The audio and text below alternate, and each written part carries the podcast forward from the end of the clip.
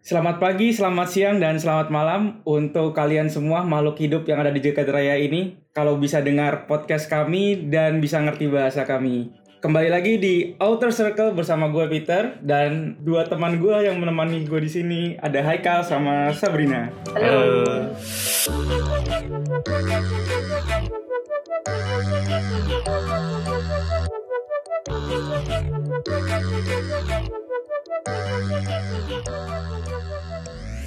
Ya, nah di episode kali ini kita bakal dengerin sesuatu yang eh, lebih santai nih kelihatnya, kelihatannya nih lebih santai. Soalnya kemarin kita udah eh, ngomongin hal-hal yang cukup berat dan cukup berbahaya. Dan mungkin kalau yang pendengar-pendengar sekalian teman-teman di sini tahu banyak cutting-cuttingnya di sana ya banyak sensor-sensor. Jadi kita mau hidup kita aman nih ceritanya. Jadi kita akan bahas sesuatu yang lebih santai lah kayak di episode ini. Gitu walaupun emang eh, eh, lagi banyak isu-isu yang menarik untuk dibahas tapi kayaknya kita tunda dulu karena kita masih senang dengan hidup kita di dunia ini. Bener nggak? Siap, siap. Ya, eh, sejak podcast yang terakhir itu eh, udah diupload, eh, belum ada yang ngebully atau ngehujat atau nge-DM lewat Instagram sih. Jadi ya alhamdulillah aman ya. Berarti tugas Mas Peter sebagai editor sangat bagus. Sudah sudah sudah mengedit bagian-bagian terlarang dan Haikal sebagai peacemaker udah bekerja dengan baik gitu. Langsung meredam diskusi gitu. Haikal lah, adalah gitu. our protector and our savior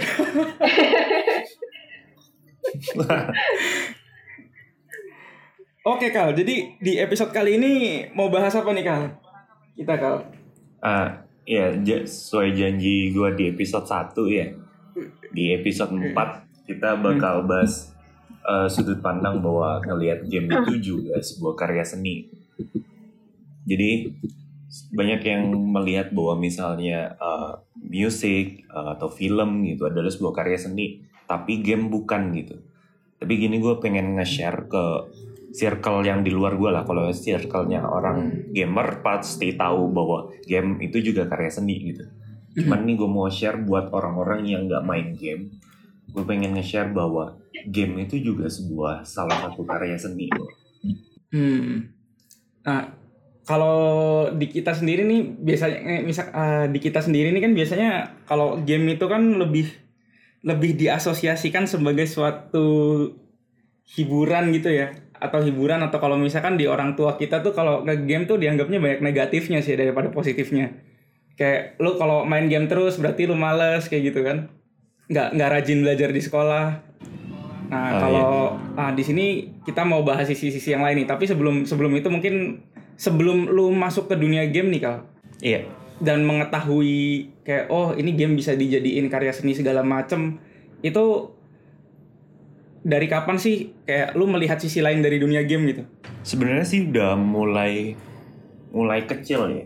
Hmm. Maksudnya paling paling ingat itu sebenarnya pada saat mainin game itu kalau bocah kecil tahu itu sebuah karya seni yang bagus tuh minimal dari soundtracknya lah Oke. soundtrack musiknya itu sampai sekarang tuh misalnya gue denger soundtracknya game-game dulu kayak misalnya uh, Final so- Fantasy 7 gitu Hmm. Itu memorable banget musiknya Final Fantasy ya langsung ya. Gue yang keinget Iya. banget pertama Mario Bros. eh maksudnya musik uh, Hmm. siap- siapa sih yang nggak ikonik sama denger uh, soundnya Iya. dari Mario Bros coba iya. itu nggak sembarangan loh dia bikin uh, Hmm. tone musiknya itu Iya. tapi gue klarifikasi dulu Hmm. Kalau game sebagai entertaining emang iya, maksudnya karya seni emang Hmm. buat entertain kita kan, yang penikmat ya. Sama kayak film sama lagu lah. Intinya sih ntar gue bakal jadi tiga tiga segmen ya.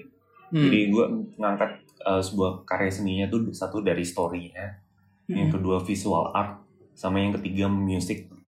Kita langsung aja kali ya. Uh, langsung ke- bahas aja kali. Bu- Hmm. Jadi iya langsung aja lah ya. Eh, Sebenarnya pada saat eh, ngomong musik, ngomong movie atau bahkan ngomong novel pun sebenarnya atau game itu nggak ada yang lebih baik atau lebih buruk sih. Menurut gue mereka mencoba menyam- menyampaikan suatu cerita dengan caranya masing-masing lah dan unik gitu.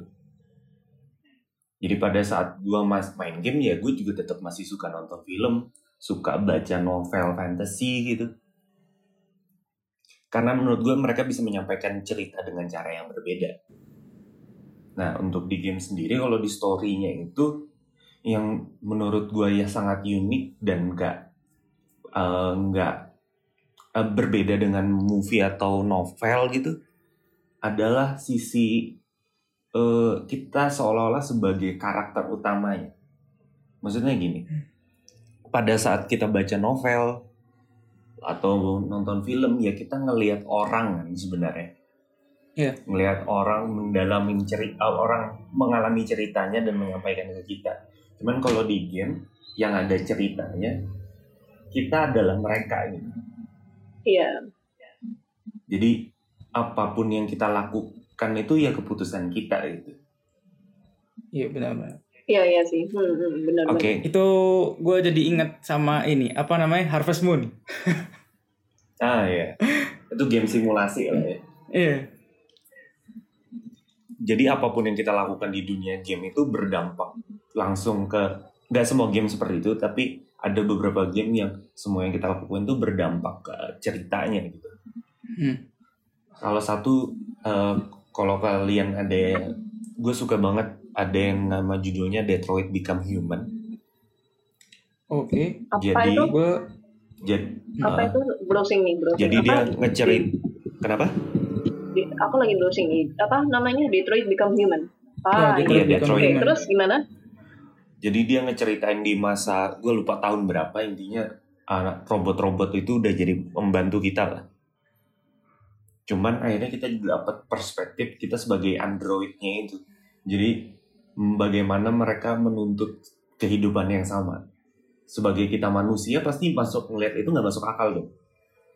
Hmm. Cuman di game itu kita diposisikan sebagai mereka dan gue jadi kayak into sama ceritanya bahwa oh iya gue ngerti alasan kenapa gue membela hak si robot-robot ini gitu dan semua pilihan opsi di sana makanya namanya butterfly effect lah jadi apa yang kita lakuin tuh berpengaruh terus sampai jadi endingnya tuh banyak banget Oh berarti dia ini ya gamenya eh nggak nggak satu ending ya bisa kayak lu kalau pilih apa dia eh, ending ceritanya Ah, kayak bisa gimana gitu. beda-beda. ya? Nah, iya Iya, iya. ha, gue ha. gua li- lima kali tamat lima kali beda ending Ah, gitu. Menarik sih menarik sih. Menarik. Gue sih ya gue sih belum dan- pernah. dengan dengan hmm, shocknya itu gue pertama kali tamat itu semua kan ngendalin tiga karakter di sana ya ganti-gantian gitu. Iya. tiga-tiganya mati. Gimana nggak shock ya ah dan gue sukanya itu sebenarnya itu gamenya tuh jadi kan dia lebih banyak kayak milih-milih pertanyaan apa jawaban gitu loh. Kita Jawabannya. ngelakuin apa kita ngeluarin apa gitu. Pertanyaannya itu bukan hitam dan putih gitu loh benar dan salah. Tapi pertanyaannya tuh yang kita pilih itu abu-abu gitu. Hmm. Itu be- dan dikasih timing kan buat milihnya itu jadi itu Ah. benar-benar pertanyaan moral banget jadi kita tuh benar-benar waktu milih itu nggak tahu en- bakal hasilnya seperti apa gitu karena bukan satu dan nol benar-benar ya hidup kayak gini tuh gitu nggak Oh. sederhana betul dan salah sosial itu abu-abu kan Hmm. Iya iya iya. Ha, ha. sama yang terakhir dari sisi story eh, cara penyampaian yang cukup berbeda sama movie sama novel ini gue Hmm. nggak bilang lebih baik ya tapi berbeda ya Iya jadi berbeda. Ha, ha. menyatu sama gameplaynya sih gue pernah main kayak game-game horor gitu misalnya Resident Evil mungkin banyak yang familiar lah Ya Resident Evil. saking Iya. takutnya dulu untuk beristirahat sejenak tuh gue gue nggak berani buka pintu dulu kan. Kalau di film kan ya udah lu masuk ya, ya ngikutin si kam ya ngikutin alur ceritanya ini kalau lu saking merindingnya gue nggak berani buka pintu dulu loh saya kayak menghela nafas tuh gitu itu sisi sisi atmosfer yang nggak bisa dibangun di movie sama novel Iya. Oh. Sama kayak misalnya gue kayak main The Last of Us. Jadi Hmm. Iya iya. iya. eh mereka it- musuhnya itu punya nama. Hmm. Jadi seolah-olah gue ngerasa kalau bunuh mereka itu lagi kayak bener-bener bunuh manusia gitu. Dan mereka saling berkomunikasi satu sama lain. ya. Jadi pada saat nih gue bunuhin nih satu-satu satu-satu kan Hmm. tiba-tiba masih ada suara ada mereka ngomong tuh gue panik kayak Hmm. anjir ini di mana orang nih gitu. Jadi menyatu sama gameplay sih ceritanya. Jadi Iya. gue pengen sisi cara mereka membawakan cerita tuh bedanya sama novel sama movie itu adalah kita seolah-olah ya kita karakter itu gitu. Hmm. Jadi kalau pada ngomong kenapa movie dibilang karya seni kenapa game enggak kan sama-sama mereka menyuguhkan sebuah cerita sebenarnya. Iya iya benar. Eh, Nah itu gue yang pengen angkat isu itu gitu bahwa bikin skrip itu juga ya sebuah karya seni gitu. Benar. Dan itu skripnya lebih susah sih itu daripada eh, apa namanya kayak lu bikin gue nggak pernah main game yang kayak gitu ya kebetulan eh, game adventure gue nggak pernah main cuma eh, bikin story yang endingnya itu bebas itu jauh lebih susah ketimbang kalau ya udah lu lu jadi orang di luar terus lu bikin story satu satu jalan cerita doang gitu Iya. Ya. ya itu itu itu susah banget sih dan itu emang eh, kerjaannya kalau nggak otaknya apa namanya kalau nggak otaknya brilian banget sih nggak mungkin sih bikin game kayak gitu Eh tapi Hmm. sama kayak film lah. Maksudnya game juga gitu ceritanya ada yang ringan, ada yang berat. ada yang ringan ada yang berat ya Iya, ada ada ada segmen pasarnya masing-masing lah. Kayak kayak novel juga kan ada yang ceritanya convoluted kan. Ya sama. ya Ada yang ceritanya iya biasa aja ada juga gitu. iya sama kayak Ah, ah. film juga kan ada yang Ah ya. ya kayak yang kita bahas kemarin kan ada Whiplash ada Birdman Iya. yang mungkin nggak semua orang bisa nonton gitu film kayak gitu. Tapi ada juga yang enteng lah kayak Mr. Bean gitu kan, lucu, ketawa, ceritanya dapat, kelar gitu. Ya ada pasarnya masing-masing. Iya, Cuman kalau bedanya sebenarnya eh, film itu susahnya mereka karena terbatas sama durasi. ya. Ya. ah. Ah, lu nggak lu nggak mungkin bikin film ya, isinya 10 jam tayang di bioskop gitu. Iya iya iya. Ya ma- makanya kadang kita kalau di movie sama series kadang-kadang ya akan lebih dekat karakternya sama yang di series ya. Iya iya. Karena prosesnya panjang. Kecuali yang movie-nya prosesnya panjang. Contoh misalnya kita ngomong Harry Potter lah. Atau Ya. Marvel yang kemarin lah. Misalnya gue sampai sekarang tuh nggak habis pikir gue bisa ngikutin mukanya Daniel Radcliffe sama Emma Watson dari kecil sampai gede gitu. gue bener-bener mengikuti pertumbuhan mereka gitu. iya sih, iya sih, iya sih itu. Itu apa namanya In- in- dari kecil sampai banget mereka kan ya? bikin. Hmm. Gue sampai sekarang masih ingat loh muka Emma Watson waktu masih bocah gitu. iya. Waktu Sampai rambutnya masih keriting-keriting. Iya, emang bisa keriting. lucu gitu. Iya sih. Sebenarnya makanya itu itu sih keterbatasannya kalau misalnya feel uh, dari game ke movie ya. Mereka kan terbat akan susah bingung. Ini contoh misalnya Ya. yang ngomong The Last of Us Part 2 ya. Bu- Itu tamat 25 jam. Bayangin kalau itu ya sama kayak Iya. sama Wah. kayak Ya. novel. Ya sama Sama kayak kayak novel lah. Iya sama Banyak kayak yang novel-novel uh, Hmm. banyak yang Hmm. novel-novel dibikin film kan banyak yang kecewa kan. Sebenarnya Iya. ya karena emang bukan pekerjaan yang gampang. Yang benar. cerita sepanjang itu dijadiin harus cuma dua jam gitu wah itu susah sebenarnya Iya. Ya, kayak salah satu contohnya kayak Resident Evil mungkin ya kalau game yang dijadiin film. itu berubah dari core-nya sama sekali ya itu jadi action Iya. banget ya Iya, gue eh gue main Resident Evil beberapa kali doang sih, cuma nggak nggak sampai apa ya, nggak sampai namatin juga. Cuma nih ya tahu uh, lah Resident Evil yang zaman kita SD kan tapi ini ya konspirasinya kan yang dari Resident Evil awal ke nggak tahu sekarang tuh udah berapa tuh Resident Evil tuh? Ya tujuh kan? Yang nanti jagoannya ganti-gantian. Nah itu gue nggak tahu lah. Pokoknya gue main cuma pas dikejar-kejar zombie gitu. Itu aja apa namanya kalau lu nonton filmnya pasti ceritanya beda terus eh, kayak langsung lompat lompat lompat soalnya mereka nggak mungkin ceritain konspirasinya sepanjang itu sepanjang gamenya itu juga kan pasti ada yang dikorbanin lah gitu iya iya itu Iya, menarik sama. sih Sama persis kayak no- dari novel ke film lah. Banyak yang kecewa kan pasti. Nah, masuk ke kedua. Jadi tadi kan bahas secara story ya. Ini gue mau bahas secara visual art. Nah sebelum kita podcast ini tadi gue sempat share dulu ke teman-teman ke Peter sama Sabrina. Satunya itu namanya Gris, itu indie indie developer. Jadi kelihatan lah. eh, dia nggak bisa dibandingin sama yang developer besar lah.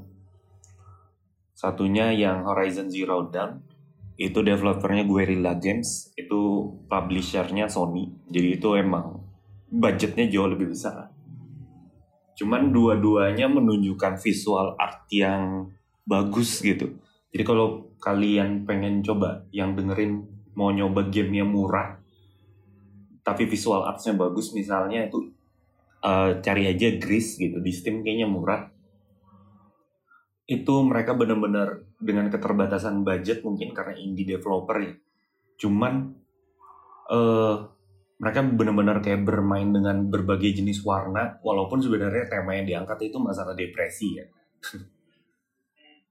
It- itu salah satu game yang menarik loh. Jadi gini, mereka tuh nggak ada nggak ada teks, nggak ada voice. Jadi benar-benar tanpa diceritain, cuman gameplay kayak gitu kita berusaha menebak-nebak ini game lagi menyampaikan apa. Menariknya game indie kan kayak gitu biasanya. Itu yang Gris. Yang kedua tadi itu yang Horizon Zero Dawn. Jadi visual artnya tuh secantik itu. Ini salah satu yang gue suka banget lah eh, visual artnya Horizon Zero Dawn. Nah, lalu apa sisi berbeda yang nggak bisa ditawarkan sama film sama novel? Jadi dengan visual art secantik itu gitu di game kita bisa eksplorasi.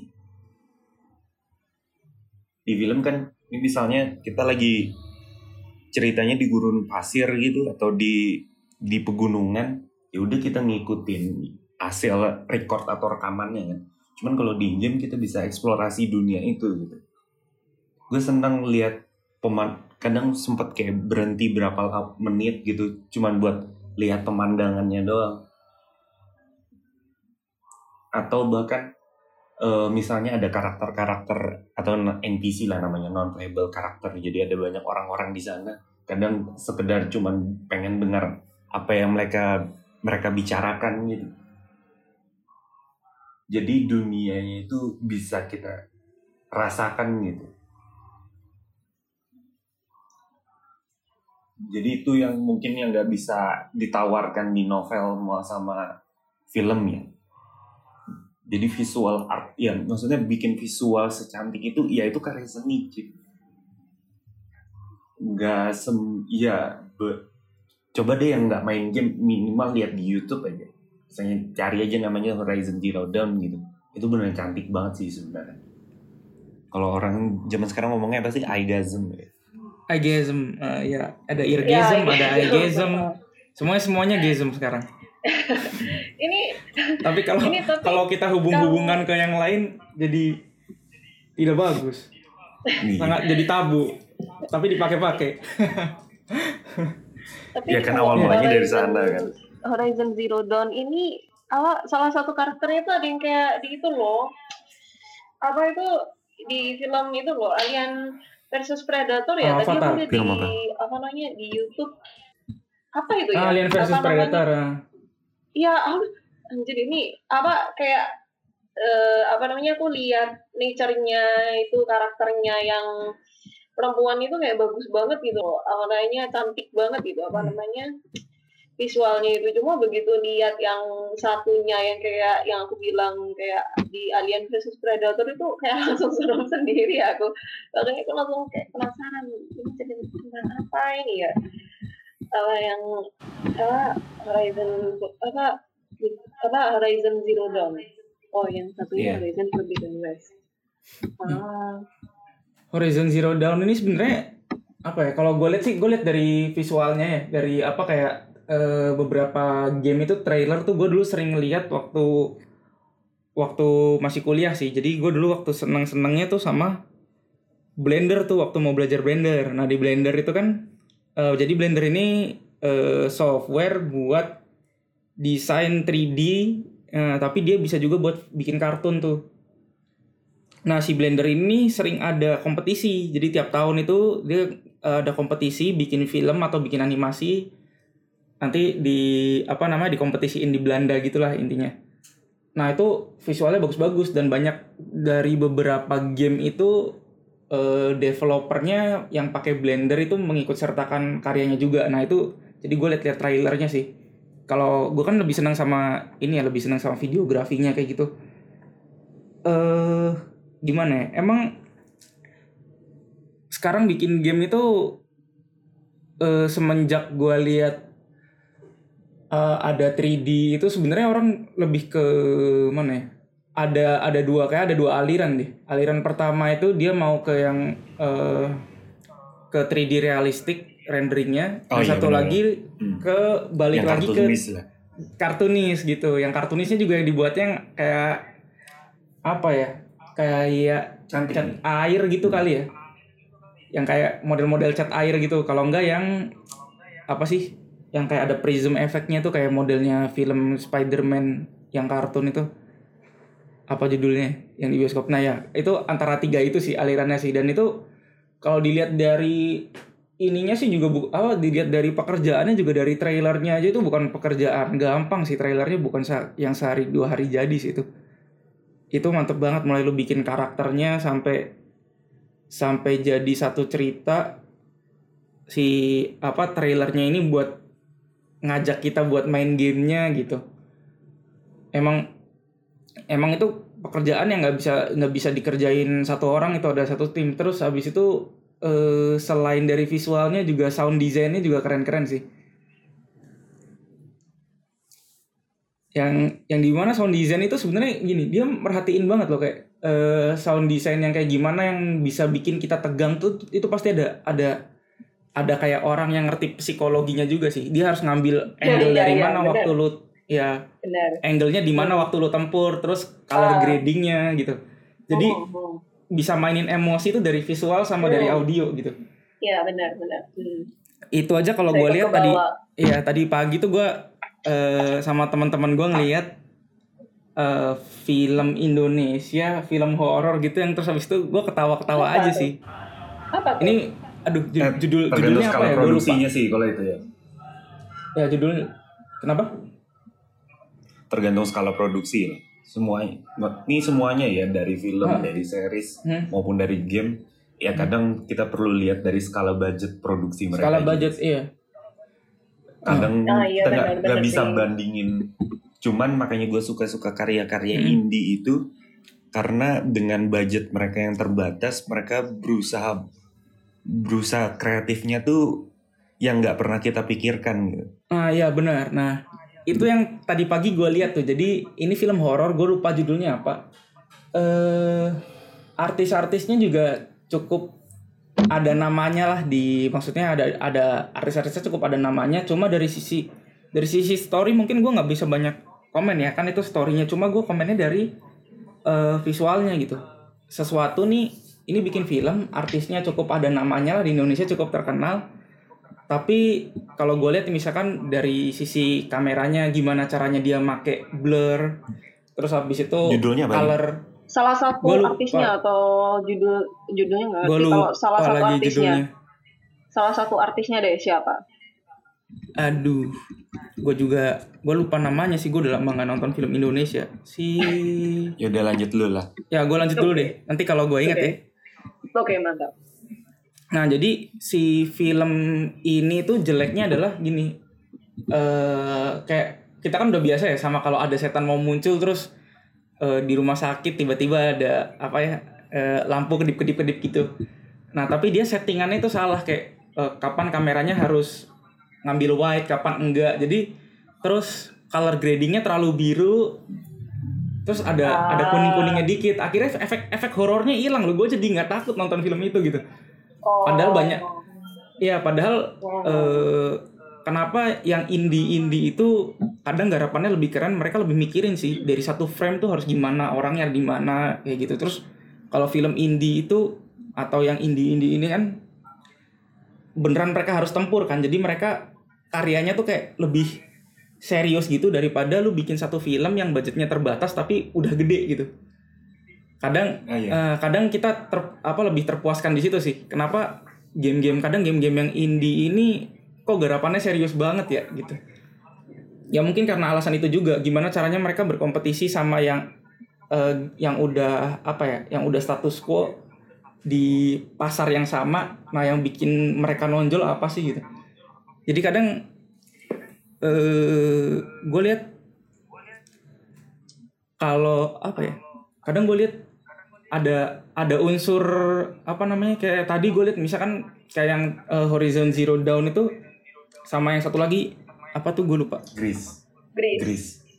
Nah ya itu dua yang satu tuh si Horizon Zero Dawn udah tahu ya apa Itu mirip-mirip budget gede lah. ya budget-budget gede abis itu dia keren gitu kan modelnya kayak Final Fantasy udah realistik Ya. terus cara ngambil angle-nya juga bagus tapi Iya, lihat deh iya, yang bener. si Gris tadi lebih kayak mainan apa mainan cat air kayak gitu Color. flow Ya, iya, iya. Iya. flow-nya juga flow-nya juga sebenarnya beberapa itu kita ada ada game-game tertentu yang mirip kayak gitu tuh ya kan yang dia lompat-lompat segala macem cuma kalau lu Iya, liatin iya. visual efeknya dari awal sampai akhir tuh rapi banget terus dia pilih Cantik banget beneran. ya terus lu lihat angle-nya kapan dia Banget, harus beneran. kapan dia harus sorot muka karakternya kapan dia harus narik Bener. jauh sama bener, bener, bener. pas dia ngasih warna tuh emosinya tuh beneran ngebawa kita kayak kita ada di dalam situ gitu Nah, bener. Iya, bener. itu yang kata gue apa banget. psikologinya keren banget sih kalau apa orang yang indie indie ini eh apa namanya yang indie indie ini bikin bikin suatu karya emang ya emang nggak semua gitu cuma begitu ada yang wah itu emang dia biasanya akan lebih serius sih daripada eh kalau budgetnya terbatas tapi dia udah gede gitu dia pasti jual ngejualnya ngejual nama brandnya terus dia jual karakter nih karakter siapa yang mau dia jual. Nah kalau yang indie nih dia main bener-bener harus dari karyanya harus bagus. Kalau enggak orang nggak bakal lihat sih. Itu mungkin juga yang Sap. yang orang-orang di ini di sini kadang masih nggak ini ya sama game yang kayak gitu ya. Nggak apa kayak kan sekarang perusahaan game masih makin banyak ya di sini kan. Terus atau Iya, perusahaan iya, benar. iya, or- gitu terus kayak lu kerja di perusahaan game ngapain sih lu main game mulu ya gitu kan kadang anggapannya gitu ya padahal tuh banyak banget Iya. tim kreatifnya tuh tiap hari mikir gitu Iya, dia nggak cuma tim kreatifnya gila. Iya, dia nggak nggak cuma mikir kreatifnya itu, dia mikir sisi psikologinya juga gimana ininya dia mikir kalau ada teks gitu dia pikirin tipografinya, warnanya kayak gimana gitu kan. Dan menurut gue itu ya yang harus kita apresiasi lah. Yang mungkin teman-teman juga kalau di luar circle-nya itu nggak tahu juga gitu. Ternyata ngegarap satu game tuh banyak aspeknya sih. Gue baru sadar tadi sih waktu lu ngomong, oh kalau dari sisi ini gue pengen lihat nih game itu sebagai sebuah art ya itu artnya yang keren banget sih di luar di luar story-nya ya. Si videografinya tuh keren banget sih emang. Nih, gue mau nyampein dua hal. Satu, gue mau ngutip uh, salah satu statementnya Regi. Regi itu salah satu petingginya, mantan, mantan petingginya di Nintendo lah. Dia pernah ngomong di sebuah acara, dia ngomong, gue lupa dia detailnya ngomong apa, cuman intinya tuh gini. Kalau lu lagi nyari kondisi sekarang, ya udah lu lihat aja game-game triple A atau game-game besar sekarang gitu. Cuman kalau lu mau ngelihat masa depan, cobalah lihat game-game indie dia ngomong karena masa depan game di tangan mereka nih karena mereka yang nyobang eh, apa ya menembus dinding-dinding yang udah ada sekarang. Kalau kalau game-game besar kan rata-rata ya udah nih eh kalau lu mau laku ya udah patternnya seperti ini. Cuman kalau orang yang game-game indie itu kan mereka ya udah gue pengennya apa gue coba gitu. Sama kayak di musik lah sama persis. Dia nggak nyari marketnya apa gitu yang yang apa market mau. Cuman mereka coba nyari market sendiri apa bikin market lah. Sama yang kedua selain nih eh, atau topik saya karena topiknya kan game sebagai karya seni ya cuman karena kita bertiga kan mantan eh, yang kuliah di engineering gitu kan mereka kalkulasinya kalkulasi engineeringnya luar biasa contoh Oh iya keren banget sih. ada ah, contoh misalnya ada yang namanya game Ghost of Tsushima yang baru keluar ya berapa bulan Apa yang lalu lah. Ghost of itu? Jadi Tsushima. kalau misal, eh, jadi dia kayak menebas eh, apa pedang ke leher musuh, mereka ngitung tuh partikel-partikel darah itu loncatannya ke arah mana, seberapa jauh kecepatan partikel darahnya, berapa cepat itu dihitung. Karena mereka mensimulasikan kan. Iya, betul. Gila banget. Habis itu kalau misalnya nih mobil nih nabrak mobil yang lain Hmm. di game apa gitu misalnya. Itu kan mereka lagi menghitung fisik atau momentum yang ada di tabrakan Iya. itu sebenarnya. Hmm. Hmm. Jadi ada sisi i- sisi kalkulasi yang serius lah di sana sebenarnya. Ada simulasi yang biasa kita lakuin. Hmm. Makanya mereka butuh rata-rata kalau yang produksinya gede ya, oh mereka butuh hardware yang gila juga sih. Yep. Betul betul. Oh iya tadi BTW judul filmnya tuh Danur kayaknya. Oh, Yang main si Prilly ya Latuconsina. ampun. Heeh. Kalau Oh. j- gua gua gua kehilangan horor di situ. Nah, balik lagi ke engineering nih. Nah, ini juga satu menarik atau sih. dua itu? Danur satu Wah, atau gua dua? gua lupa ah gua nggak tahu tuh satu atau dua. Jadi tadi gua nonton tuh udah di tengah-tengah terus ini kenapa nggak ada horor-horornya ya terus habis itu waktu dia iniin musiknya musiknya naik nih musik scoringnya naik set udah horor nih musiknya nih terus gue lihat cara ngambil angle-nya terus kameranya fokusnya ke mana kok gue nggak merasa takut ya. Biasanya tuh film Indonesia tuh bagian itu yang paling serem. Tapi ini tadi gue kehilangan sih kayaknya. Color gradingnya juga nggak nggak menyeramkan gitu. Kalau menurut gue sih waktu si di film ini color gradingnya tuh nggak nggak bikin orang jadi takut gitu. Ya kayaknya mungkin riset gue nggak nggak tahu ya mungkin risetnya yang kurang panjang atau emang waktunya terbatas atau kayak gimana gue nggak tahu juga. Pokoknya gue nggak merasa ini sih. Mungkin ada teman-teman kalau yang udah takut film horor apa sih takut gitu. Nah gue tuh nonton yang eh, nonton yang paling nyeremin juga ya gue liatin aja gimana caranya dia ngambil angle gimana caranya ini gitu kan. Soalnya gue dulu sempat main-main lah jadi anak film indie asik. Nggak juga nggak sampai film Asik. indie.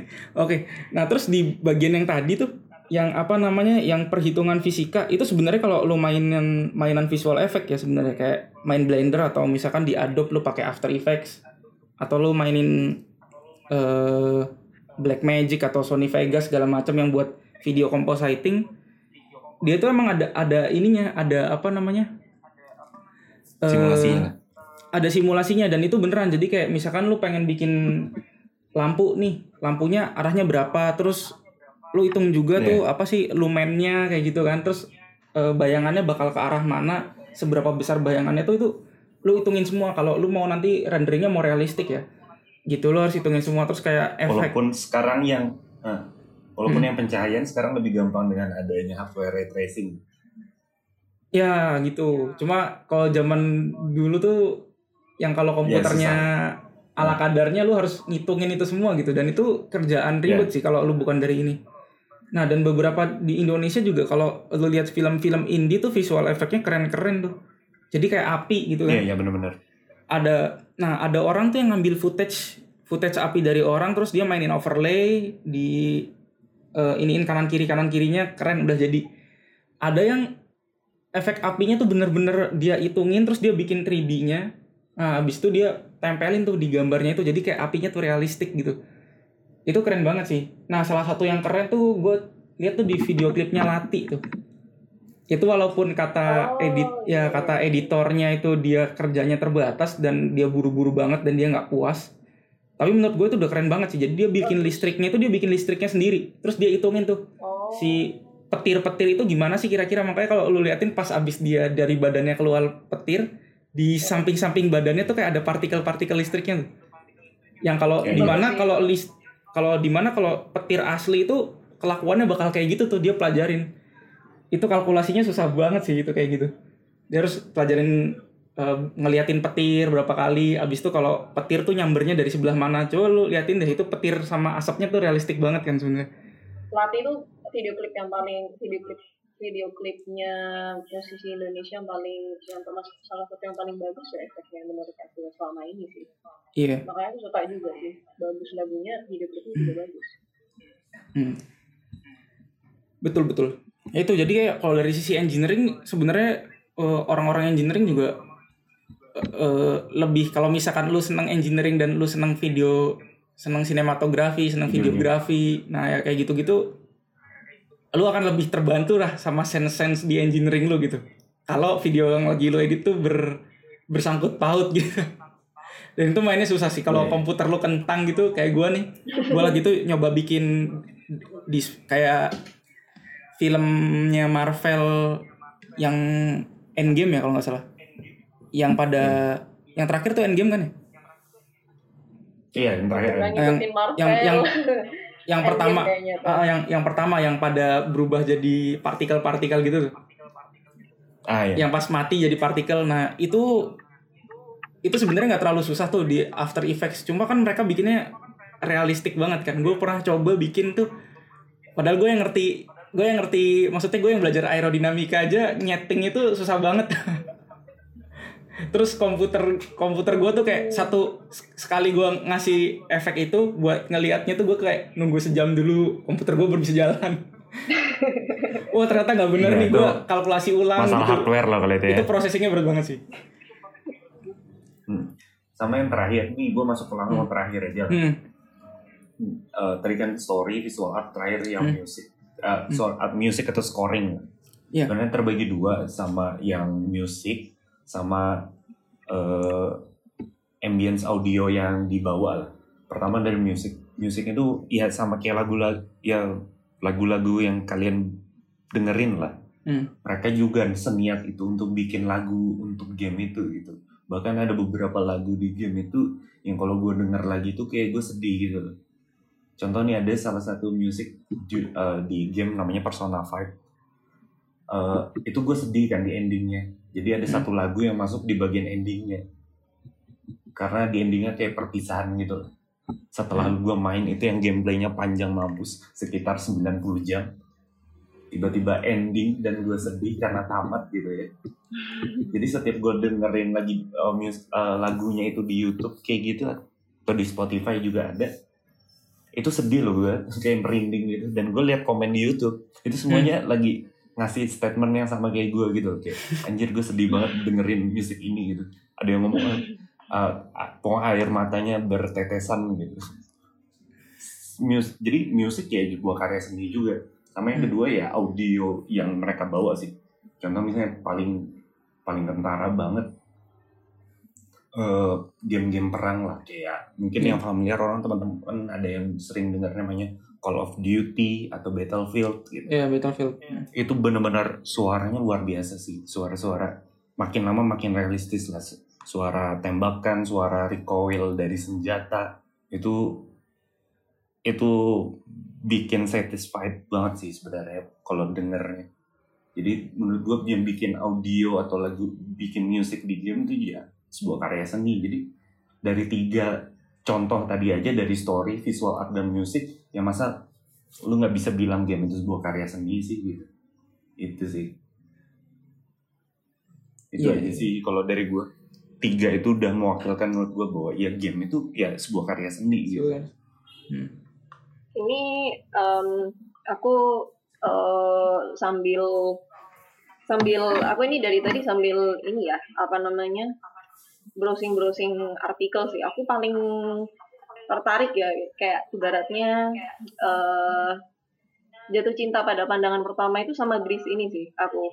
Eh, tadi begitu lihat di YouTube ini begitu bener-bener yang langsung kayak, wih apa nih gitu kayak eh, Oke. ada game kayak gini ternyata dan aku nemu artikel di website ini indiegamewebsite.com penulis artikelnya Iya. itu Rogan Rogan Chahin atau apa ya how to pronounce aku juga nggak ngerti terus ini ada salah satu kata-katanya eh, kurang lebih intinya itu sama yang kayak dibilang sama Mas Peter dan Haikal jadi ini gini eh, katanya dia ya katanya penulis artikelnya ya Let me get the obvious Hmm. out of the way right now. The game is gorgeous. The entirety of Gris is hand drawn and uses and uses watercolors to add bright, radiant tones to the world.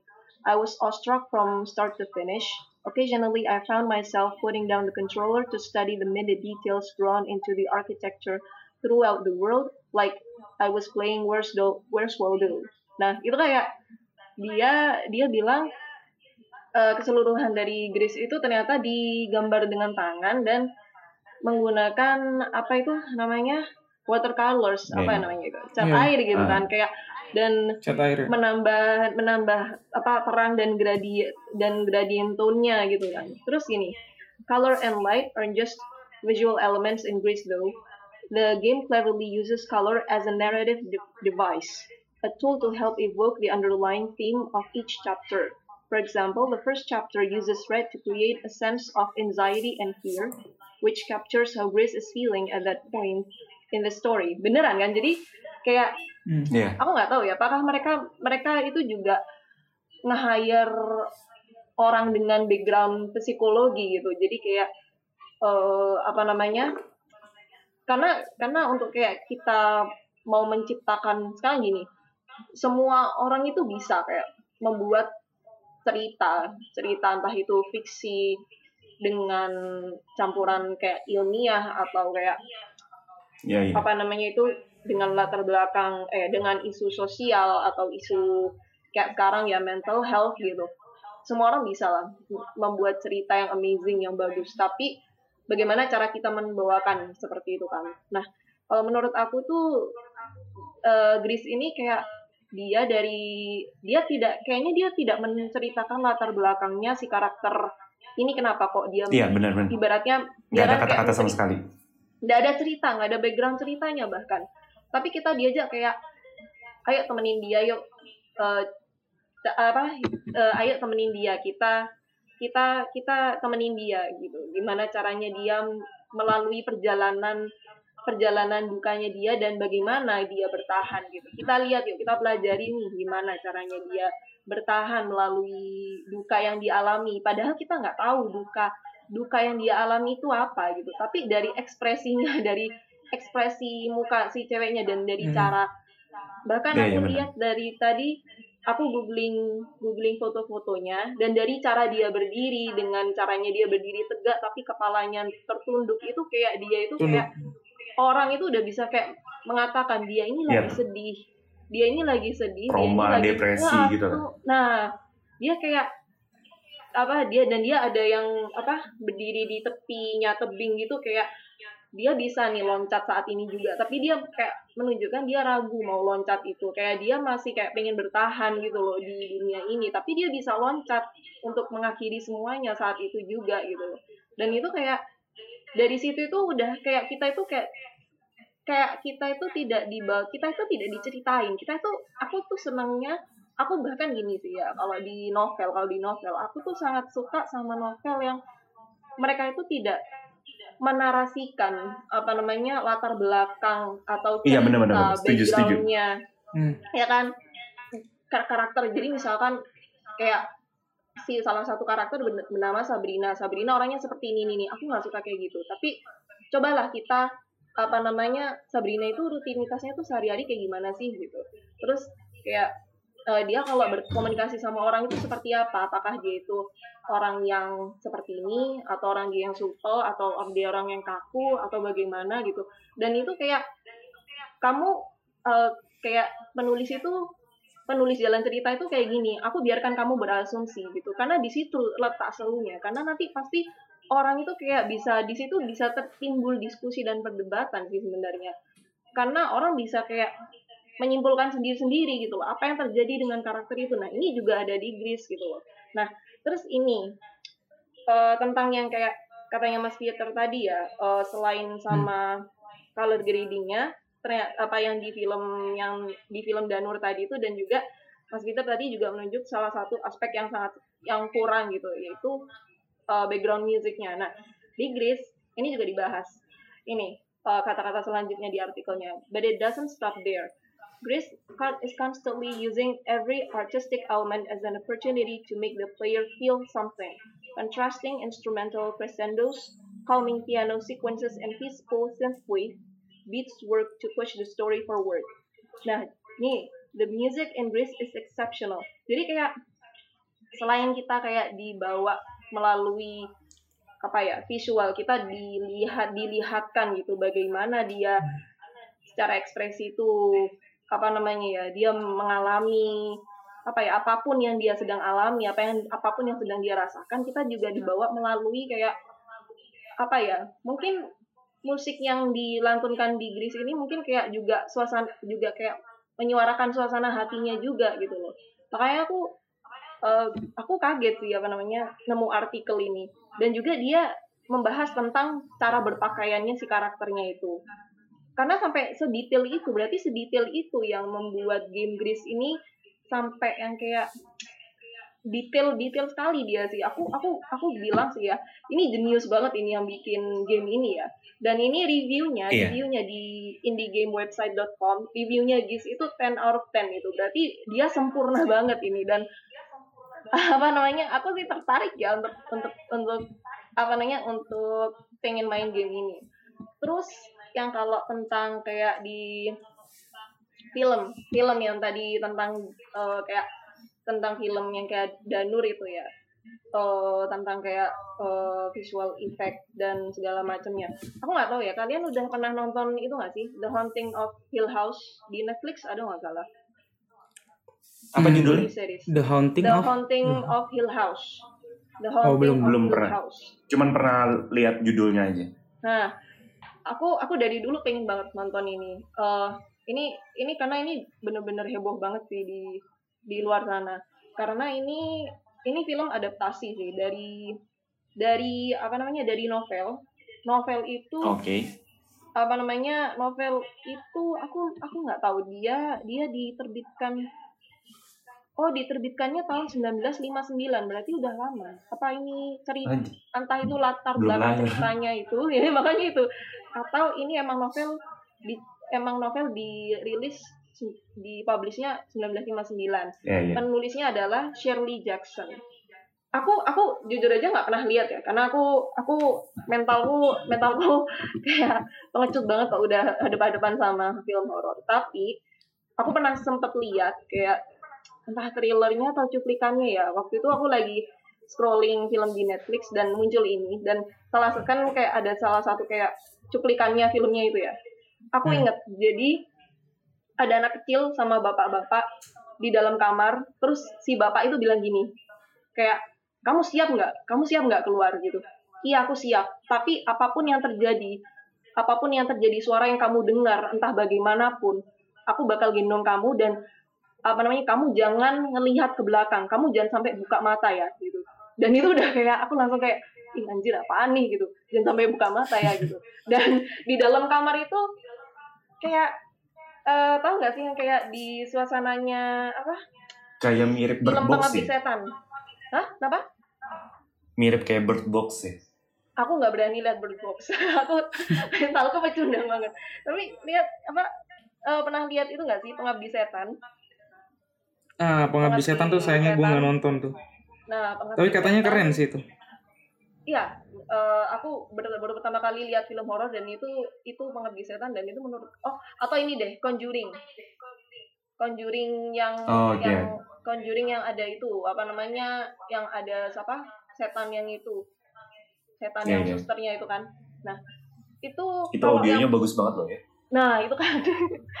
Itu uh, itu suasananya itu kurang lebih itu seperti Conjuring yang pas waktu malam. Nah aku sukanya Conjuring itu kayak gini sih. Dia waktu waktu siang itu kita kayak dibawa normal tidak takut gitu. Waktu waktu scene yang adegan yang di siang hari kita kayak dilihatkan adegan yang gloomy kayak apa ya kayak berduh gitu kayak diciptakan ciptakan suasana yang agak-agak serem tapi tidak seserem itu. Jadi kayak kita dibuat santai dulu nih. Kalau siang mereka gimana sih kehidupannya gitu. Tapi kalau malam itu kan udah berarti kayak langsung kayak mulai terjadi adegan aneh-aneh gitu kan. Nah di cuplikannya Haunting of Hill House ini di kamar itu tuh persis kayak gitu kayak kayak kamar itu bener-bener gelap kayak bener-bener ambience-nya itu diciptakan kayak wih serem banget. Begitu si nah begitu si bapak itu gendong anak kecil itu buka buka kamar bapak itu langsung lari sekencang-kencangnya dan gila itu mereka itu ngelewatin lorong di rumah itu lorong lorong dengan pintu-pintu kamar banyak di rumah itu dan anak kecil itu kayak anak kecil itu bener-bener menutup mata. Dia meluk punggung bapaknya dan dia itu bener-bener menutup mata. Dan dia itu dengar suara apa itu kayak kuprak kuprak kuprak kuprak kayak suara suara bukan suara lari bapaknya tapi suara apa ya suara entah apa pun yang jatuh yang berantakan di situ. Dan dia langsung buka mata dan ternyata ada kayak setan yang ngikutin dia itu sampai yang kayak jatuh glosor-glosor gitu dan itu berusaha ngikutin ngejar mereka gitu loh. Dan aku sampai anjir ini apaan? Anjir ini apaan? Aku langsung ubah gitu. Dari dari sedikit gitu aja itu kayak apa ya aku tuh udah kayak kebawa suasananya gitu loh. Dan itu susah menurut aku itu hal yang susah sih. Hal yang susah untuk hal yang sulit ya di, untuk disampaikan sama film creator atau kayak kayak Gris ini kayak game creator apa tentang apa ya poin dari poin dari apa ya sedikit poin cerita dari dari yang dari yang mereka mereka dari film mereka atau game mereka sih. Dan menurut aku sih kalau misalkan Gris ini ya Gris ini menurut aku jenius banget emang balik lagi sih Gris ini menurut aku jenius banget ini yang bikin game ini. Ini pengarah ini yang bikin siapa ya menurut aku jenius banget dan aku pengen nah di Steam aja dia 10 out of 10 dia ratingnya 10 di Google Play dia empat setengah dari 5 jadi emang jenius banget ini menurut aku bagus banget ini apa eh di Google Play?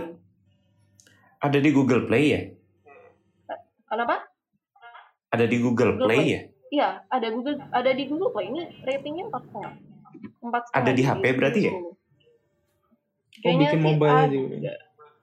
Platforms Nintendo Switch, PlayStation 4, Android. oh ya Android ada kirain ada di Microsoft. Google Store tadi Ini klasik Mac OS. ya ya ya Terus apa apa lagi ya tadi ya? Nah itu sih apa namanya film. Kalau kalau novel sih aku kalau buku ya buku aku nggak pernah buku aku nggak pernah baca yang kayak eh apa namanya itu yang yang serem-serem ya.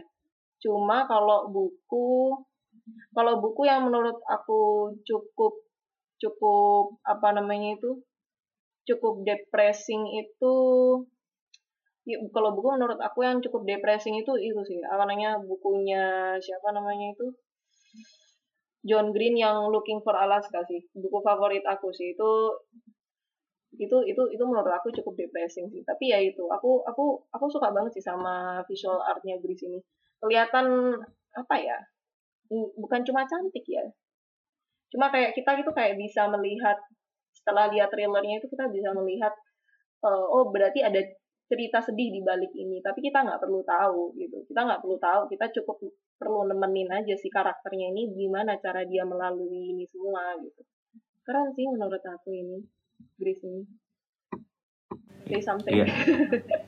Ah, mungkin dari Peter Sabrina ada lagi yang mau diomongin sebelum kita tutup mungkin Ya itu sebenarnya bener banget sih. Jadi apa namanya kalau nilai karya seni itu semua ada apa ya? Ada levelnya masing-masing lah. Kalau lu nulis eh ini kita yang ada story storynya aja ya. Kayak misalnya lu nulis buku itu pilihan bahasa lu tuh berpengaruh banget sama mood di bukunya gitu kan. Terus abis itu eh, jalan ceritanya juga harus pinter-pinter sih nulis jalan ceritanya dan itu nggak gampang. Abis itu kalau di film, di film itu apalagi yang adaptasi, dia harus bisa kan kalau buku itu kita imajinasiin sendiri ya. Nah film itu Iya, si iya. sutradaranya harus bisa. Eh, orang tuh mengimajinasikan buku ini kayak gimana sih sampai gue translate ke sebuah film gitu.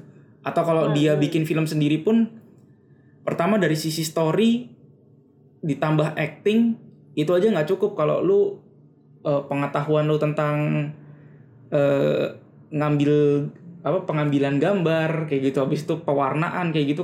Terus sama scoring scoring filmnya kalau pengetahuan lu kurang juga walaupun lu dikasih artis yang bagus yang aktingnya keren bisa jadi jelek film lu gitu.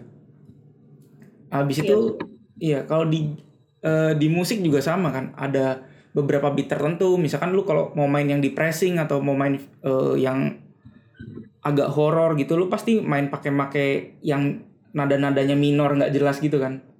Hmm. yang susah lah dipencet kalau di piano atau di gitar gitu kunci-kunciannya. Nah itu itu juga bisa mainin mood gitu. Sat- satu apa eh, misalkan lu bikin semuanya jadi nada mayor emosinya berubah gitu. Nah terus di game ini yang sebenarnya yang menarik itu game itu sebenarnya kombinasi semuanya plus storynya kita yang ngejalanin gitu nah itu jadi si selain dia harus punya sutradara yang keren yang bikin yang bikin game ini juga nih ide otaknya di balik game ini yang mungkin juga pasti satu tim. Nah itu dia harus bisa prediksi juga sih kalau dia pengen bikin game yang ceritanya panjang kayak gini. Kecuali kalau game lu kayak game sepak bola atau game basket gitu kayak NBA atau Winning Eleven atau Pro Evolution Soccer gitu. Mungkin lu ceritanya nggak begitu ada di situ gitu. Lu mainnya sama yang lain tapi kalau misalkan game-game yang kayak gini emang emang ini kerjaan kerjaan berat sih. Dan itu juga berarti ada apa ya ada insight. Kalau lu tuh misalkan uh, sekarang mungkin yang anak-anak seumuran kita atau di bawah kita kan uh, mikirnya masih atau orang tua kita kan masih linear kan. Lu kalau sekolah A itu A sekolah B itu B. Padahal tuh bisa yeah. banyak loh. Lu sekolah misalkan lu uh, sekolahnya teknik abis itu masuk ke dunia game tuh bisa. Soalnya kan kayak tadi itu atau lu dari teknik masuk ke film terus jadi visual art director itu bisa banget. Soalnya eh, tambah ke sini kan produksi film juga makin bagus gitu. Lo nggak mungkin yeah. menghasilkan visual art yang sama kayak film-film di tahun 90-an atau 80-an kan. Lo pasti nggak mau nonton gitu kalau visual artnya kayak gitu. Even beberapa film yang kita bikin kayak nuansa tahun segitu aja visual artnya udah keren banget nih yang sekarang jadi gitu walaupun itu menggambarkan kondisi di tahun 80-an atau 60-an gitu. Tapi lu nggak pakai visual art 80-an 60-an, lu pakai visual art yang terbaru kan. Gitu sih, dari musiknya, dari apanya. Yang menurut gua eh apa ya? Ya itu sekarang dunia mungkin udah nggak nggak nggak selinier dulu ya. Lu dari mana aja bisa ke mana yeah. aja dan hmm. uh, dan ada ini ada porsinya masing-masing lah, ada apresiasinya masing-masing. Jadi kita nggak bisa kayak oh cuma ah lu cuma main doang. Apa? Emang pasti ada orang yang cuma main doang. Cuma ada juga pemerhati pemerhati yang mungkin kayak Haikal gitu. Atau ada juga pelaku pelaku gitu yang di dunianya langsung dan itu menghasilkan lo kalau lo kayak gitu gitu dan kalau itu udah bisa menyentuh hati kayak Sabrina tadi tersentuh lo ngeliat pandangan pertama itu keren banget sih. Dari dari trailer aja bisa nyentuh hati orang kayak gitu kan apalagi kalau lo mainin gamenya gitu. Mungkin cukup lah kita ya. Ya mungkin episode kali ini kita cukupkan saja sampai di sini. Ah. nanti episode selanjutnya mungkin atau mungkin ada teman-teman yang mau kasih-kasih cerita atau apa kalau atau misalkan mau ngobrol bareng ya jangan lupa kita punya Instagram komen aja di Instagram kita atau di DM di @outercircle.podcast itu aja dari kita hari ini. Sampai jumpa di episode selanjutnya. Siap.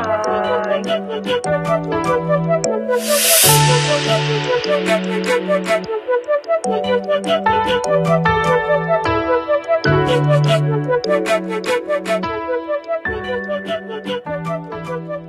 you.